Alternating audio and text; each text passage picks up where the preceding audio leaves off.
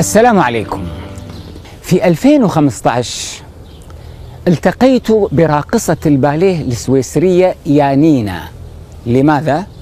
لأنها أسلمت تحجبت صلت صامت درست اللغة العربية صارت عضو الناطق الإعلامي في مجلس شورى مسلمي سويسرا. تزوجت من مسلم مغربي يحفظ كتاب الله يقطن في سويسرا.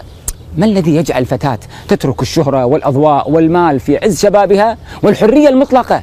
لقيود وأوامر ونواهي لدين جديد. ثم السؤال الثاني ما الذي يجعلها تترك حضارة سويسرا قمة أوروبا؟ الإعلان العالمي لحقوق الإنسان في جنيف سويسرا. جان بياجيه الفيلسوف المربي الذي درس علم النفس الوراثي وتطوره في نمو دماغ الأطفال.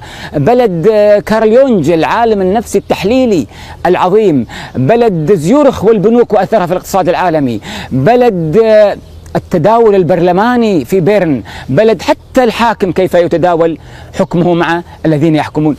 تترك هذا وتأتي لبلدان داعش والحشد الشعبي والاحتراب الطائفي والتخلف الحضاري والهزائم المتتالية والتشرذم ما الفكرة المستفادة من هذا الحوار؟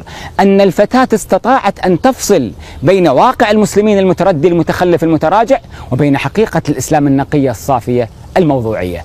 جعلت الإسلام حكم على الواقع مو الواقع حكم على الإسلام. المسلمين يتقدمون يتأخرون ما في مشكلة.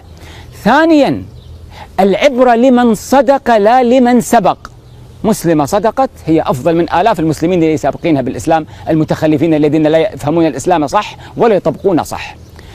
ثلاثة إسلام البرهان لا إسلام المكان أو قبل إسلام المكان. بمعنى هي وصلت إلى الإسلام من خلال بحث برهاني وليس من خلال عاشت في مكان الناس فيه يعني على أصل الإسلام.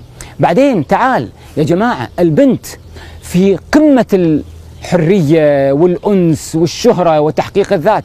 تروح تاخذ الإسلام اللي كله قيود وحجاب وحلال وحرام. لماذا؟ لأنها وجدت ذاتها وإنسانيتها في الصلاة.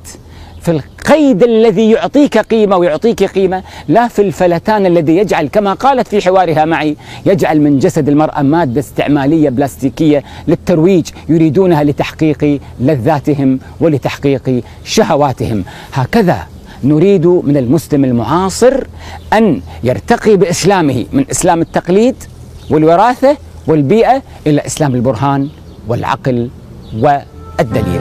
شكر الله لكم.